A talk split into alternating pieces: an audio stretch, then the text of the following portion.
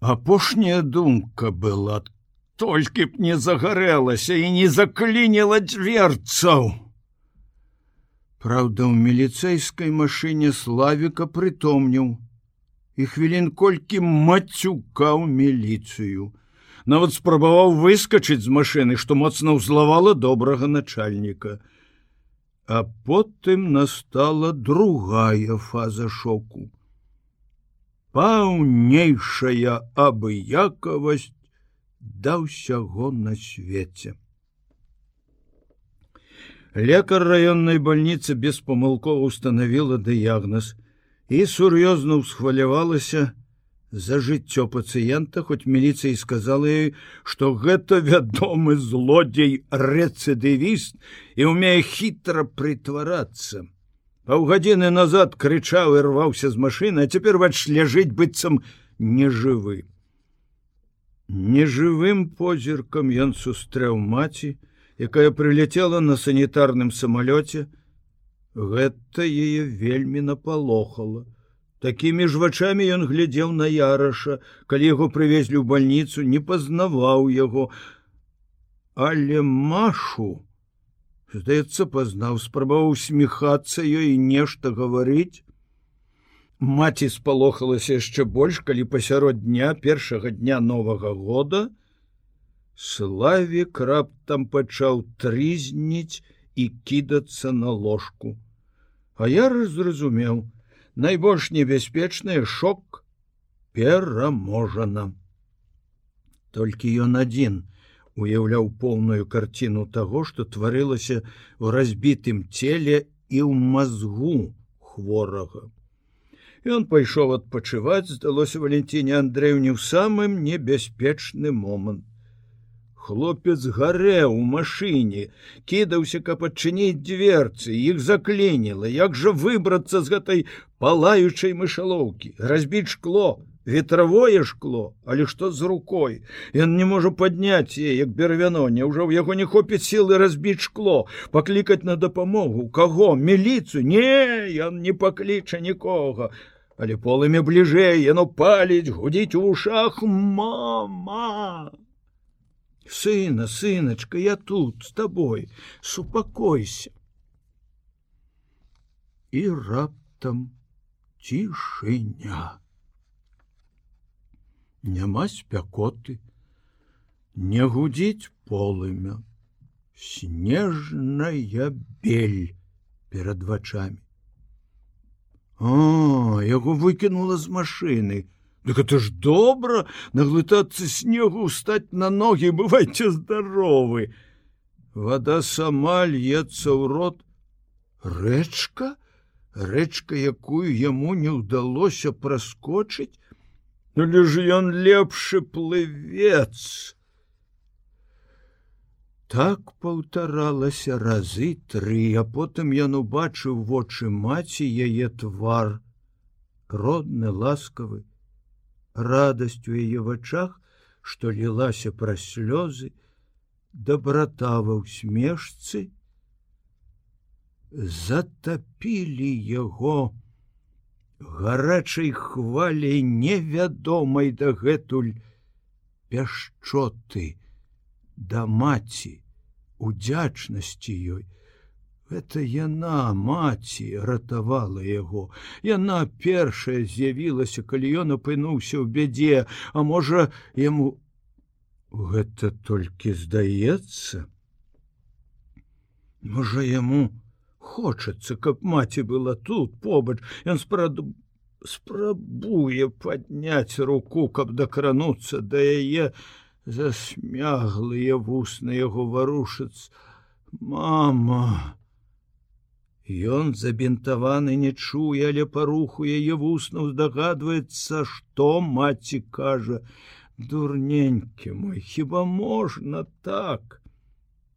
Не, это не трызненне маці, сапраўды калі яго славік адразу ўсё прыгадвае нават санітарны самалёт яраша машу здагадваецца што далей была аперацыя і вось ён зноў жывы усведамленне гэтай немалаважнай акалічнасці напаўняе яго такой радасцю что каб былі сілы ён пэўна загалёкаў бы закрычаў бы на ўсю больніцу на ўвесь свет. Валентина Андреевна была надзвычай удзячна Машы, што яна засталася ў бальніцы ў першы святочны дзень новага года і не толькі памагала дзяжурнаму лекару і сёстрам, але бадай, што кіравала імі трымаючы сувязь з ярашам. Ніхто яе аперацыйную сястру не прымушаў сядзець Не выходзячы двое сутак з палаты яны перагаварылі пра ўсё на свеце. І Маша ўсё расказала ёй. Чаму ім так не пашанцавала ў каханні маім дзецям? З горыччу думала маці. Кожная маці ў любых абставінах думае пра будучае сваіх дзяцей, верыць у іх шчасце. Валенціна Андреевна подумала, што яна з радасцю назвала б гэтую залатую дзяўчыну сваёй дачкой. На другую ноч Маша прымусіла знясіленую жанчыну прылегчы у ярашавым кабінеце. Сама засталася ў палаце. Славік застагнаў ад болю і прачнуўся.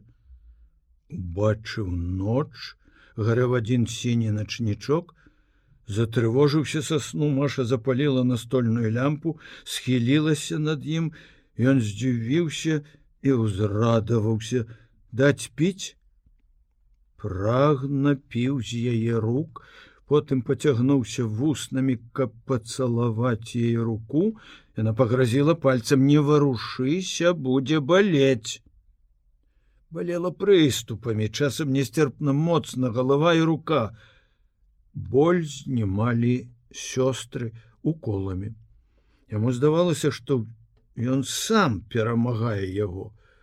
Такая упэўненасць надавала сілы, Перамогшы чарговы прыступ, ад якога ўсё цела заліў непрыемны ліпучы пот, спачатку гарачы, потым холодны славік вачами паклікаў, каб Маша наблізілася, спытаў: « Ты выйшла замуж, не? Не ідзі ад мяне. Я не пойду спі другога студзеня пасля работы прыйшлі хлопцы ўся брыгада. Іх не пусцілі. Маша выйшла да іх у вестыбюль і ўбачыла тую дзяўчыну якую некалі сустрэла са славікам у кіно. Нічого дзіўнага разам працуюць. Але чаму яна ўспыхнула і адышла ў бок? Хлопцы сустрэлі машу у прыветліва узрадаваным гоманам генрых пажартаваў добра ўсюды мець сваіх людзей! Як там наш аўтааматар? Яны не ведалі таго што ведала яна. Перадай мы чакаем яго на завод у брыгаду.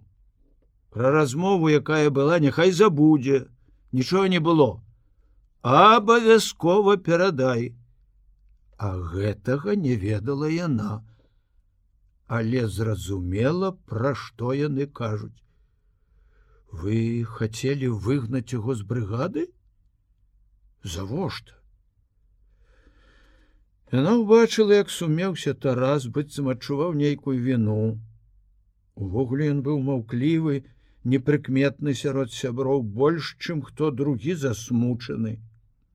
Маша, пашкадавала яго, а пасля сябе адчула смутак нібы ёй трэба было развітацца з нечым вельмі дарагім і паехаць у невядомае.